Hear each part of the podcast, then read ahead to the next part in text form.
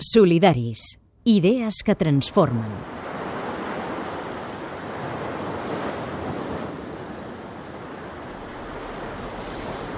Ah, i aquest mar que ens agrada tant i que ens fa pensar en paisatges paradisíacs, en moments especials.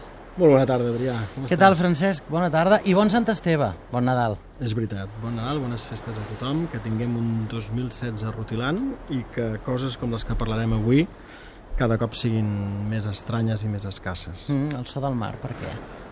Perquè el mar sempre ens, ens, ens porta records positius, ens parla de relaxament, ens parla de vacances i, i ara també aquest so doncs també és una mica el so d'un cementiri i el so del mirall de la nostra indiferència i m'agrada que precisament avui dia de Sant Esteve en parlem i ho posem sobre la taula. Uh -huh.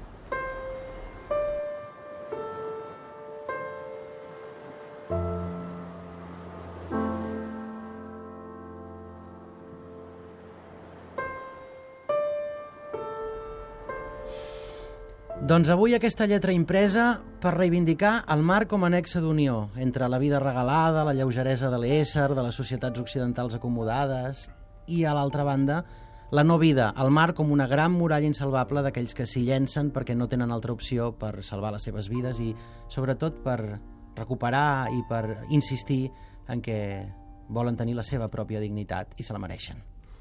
Sí, de fet, pensàvem si potser estàvem sent una mica repetitius amb aquesta lletra impresa i tornar No, a posar els no m'ho refugiats sobre la taula, però ens semblava, ens semblava molt necessari fer-ho, mm. ja.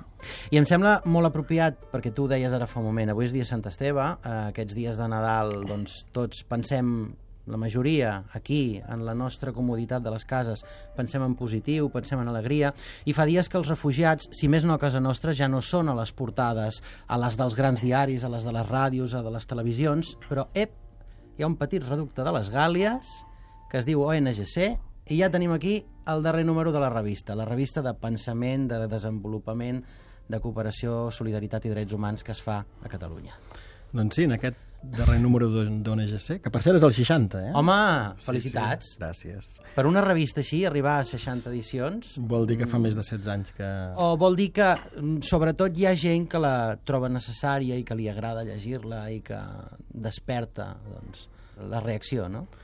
Doncs sí, a més a més, el, el que ens obliga és tenir les antenes molt parades, molt posades, i per això en aquest número hem fet un petit dossier Uh -huh. en el que hem volgut posar sobre la taula d'una banda les organitzacions que treballen amb aquests refugiats, amb dues aportacions prou interessants tant d'UNICEF com d'Amnistia Internacional, Uh -huh. i també per, per reclamar i per mirar de saber què fan les principals institucions de casa nostra amb les propostes del govern i de l'Ajuntament de Barcelona. Uh -huh. I avui precisament volíem parlar d'una d'aquestes aportacions que ens agradat molt, la que ens va fer l'Equima des d'UNICEF, amb un títol ben il·lustratiu. Infants que creuen fronteres. Perdona, que t'he tallat, torna a dir. Infants que creuen fronteres.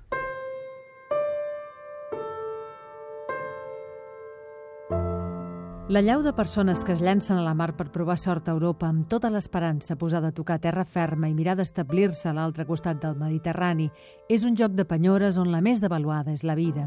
És una història infinita, persones que fugen dels seus llocs d'origen, empeses per conflictes o per la força de la misèria, a la cerca de noves oportunitats i un refugi segur. I com sempre mirem de fer, hem anat a buscar els més febles d'aquesta cursa vergonyant per fugir de la guerra, de la gana o de les persecucions, i per això ens hem fixat amb les persones més joves, amb les més petites.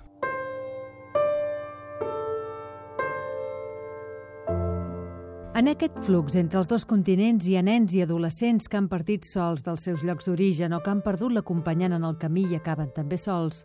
Els nens que viatgen sols, especialment si no tenen documentació, són carta blanca a convertir-se d'immediat en invisibles i a ser víctimes de tracte, violència i explotació de qualsevol tipus. Ara fa poc celebràvem, commemoràvem el Dia Mundial de la Infància, dels drets dels infants, i justament l'UNICEF eh, i Save the Children i altres organitzacions feien molta, molta menció d'aquest gran nombre de nens que arriben sols, sense acompanyant, a les fronteres d'Europa. Sí, sí, sí, sí. Són, de, són centenars de milers. I una mica el que, el que recull aquest article i el que volem posar avui sobre la taula mm. és que, tot i que hi ha una tipologia molt gran de menors que travessa, sempre hi ha una, un element comú. I és que els seus drets no són reconeguts. Mm. Perquè sempre és molt més fàcil parlar d'una massa, parlar de números a l'anglès, sense parar atenció als menors. N'hi ha que migren amb els pares o amb un d'ells, infants que deixen en el país de destí o en algun altre lloc de trànsit, nens que migren sols i nens que es queden enrere a la seva terra quan un o tots dos progenitors marxen, amb els efectes que suposa una separació perllongada. UNICEF, de fet, té molt clar què es troben aquests menors i, per sort, té molt clar què haurien de trobar. Però un apunt, eh? A casa nostra, la sobrevalorada Unió Europea pateixen encara els efectes de la desunió i l'efecte de que els seus drets, com deien, fossin concul- conculcats. Quan els nens arriben a una frontera, en lloc de barreres administratives, insalvables o centres de reclutament, haurien de trobar les condicions que garantissin de forma integral tots els seus drets. No obstant això, sovint es veuen afectats pels buits que hi ha en les lleis, les polítiques i les pràctiques en el marc comú del sistema de protecció de la Unió Europea. I en entrar en aquest territori topen amb un accés limitat a la justícia, a l'educació i a la salut. Corren el risc de ser detinguts i deportats. I finalment hi ha una qüestió que és, que és sagnant i que ens hauria de, de frapar i que ens, ens obliga a actuar, que és la qüestió dels menors no acompanyats, els que han d'afrontar el periple de la immigració en solitari. Clar, jo ara estava pensant, aquests dies de Nadal, que corre la canalla per casa, que tenen vacances de l'escola i que eh, estaran contents amb regals que els haurem fet, els grans, és un bon moment per parlar-los també que hi ha altres nens com ells que no tenen aquesta opció, que tot això que ells mm, estan rebent aquests dies, eh, hi ha nanos com ells que no ho poden tenir i que tenen molt mal presagi, ho, ho poden entendre, ho poden captar. Aquest és un moment, tu creus, tu com a pare, ara t'ho pregunto, eh? Uh -huh. Creus que és un bon moment, el Nadal, per parlar-los de tot això? Jo penso que ho podem positivitzar. És a dir, oi que nosaltres tractem de forma molt especial els infants, els menors, que sabem que són el nostre tresor, que sabem que són el nostre futur, que sabem que és el més valuós que tenim, uh -huh. doncs deixem de parlar en general d'immigrants. Precisament l'article hi ha una part que a mi m'agrada molt que diu tenen dret a que no els considerem immigrants, com si fos una etiqueta, com si, com si els tapés una, d'alguna manera. Són persones menors, són infants, i per això reclamem un tracte especial i especialitzat, i per això recordem la Convenció, recordem els seus drets, i per això diem la nostra indiferència fa una mica massa de mal. L'alt comissionat de les Nacions Unides per als Drets Humans en les seves recomanacions sobre els drets humans en les fronteres diu que els organismes de protecció de l'infant i no les agències d'immigració les que haurien d'assumir la responsabilitat principal sobre els infants. I al final, Adrià, al final, pels menors, pels infants, no reclamem res que no reclamem per totes les persones que es veuen abocades a migrar. És a dir, drets, reconeixement i un tracte digne.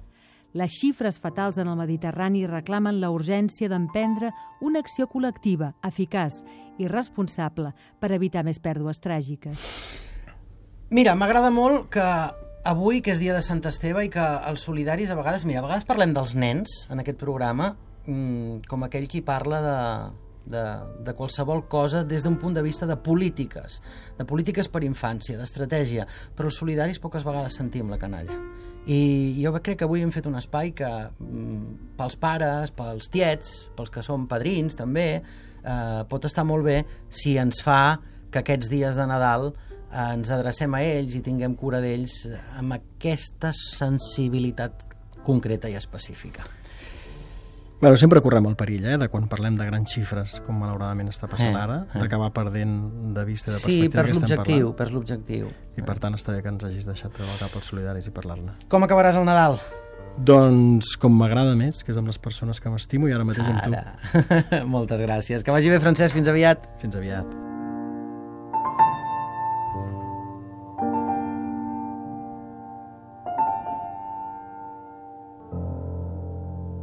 A Facebook, a Twitter i a catradio.cat, Solidaris, amb Adrià Bas.